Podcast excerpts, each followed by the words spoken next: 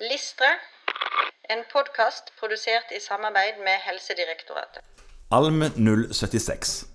Selvstendig kunne vurdere utfordringer, gjøre avveininger og prioritere når det foreligger mer enn én sykdom hos pasienten. Dette er vårt glansnummer. Eh, eh, Jaha, altså hva da? Dette er jo allmennlegens hjemmebane. At Hva da at man kan feile? pasienten, pasienten kan ha mer enn én sykdom. Ja, men Det er jo fullstendig forvirrende for eh, alle andre deler av helsevesenet, virker det som.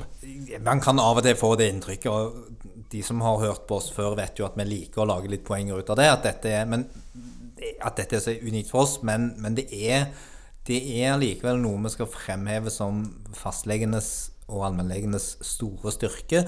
Det at vi er klar over og vant med.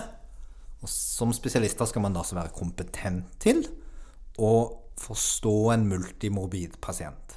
Ja, både eh, polyformasien og behandlingen som kan følge med noe sånt, men òg hva dette betyr for livet til den enkelte. Ja, og da vil man veldig ofte oppdage at både sykdommene og behandlingen av sykdommene drar i motsatt retning. Slik at det blir et sånt valg mellom flere onder. Og komme opp med den optimale behandlingsplanen for denne pasienten. Og det sier læringsmålet at det skal man som fastlege, eller som spesialist i allmennmedisin, Ja. kunne. Å gjøre avveininger og prioritere når det foreligger mer enn én sykdom. Ja, altså hva er viktigst? Og Ja. da er det ikke nødvendigvis slik, eh, og det må man i dette læringsmålet reflektere mye over. Ja. Da er det ikke nødvendigvis slik at det er det som nødvendigvis gir lavest dødelighet, som er det viktigste å prioritere. Nei, det kan ha noe med inngripen i eh, livet. At det er viktig. Hvilke behandling gir f.eks. bivirkninger som denne personen vil være veldig lite fornøyd med å få. Slik at det er veldig mange faktorer man som spesialist her skal ta med seg inn i denne vurderingen. Og det er lyst til å gjenta det, dette er et glansnummer. Dette er vi veldig gode til. Ja.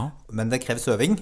Eh, Og i, i begynnelsen så kreves det òg en del refleksjon, og det er kjempeviktig. Man lærer dette i stor grad gjennom gruppeveiledningen.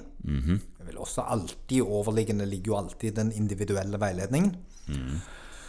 Og så må man da her ha en del fagkunnskap på plass. Sånn at som læringsaktivitet her så ligger der inne disse seks kliniske emnekursene. Der man skal kunne få spesifikk diagnosekunnskap.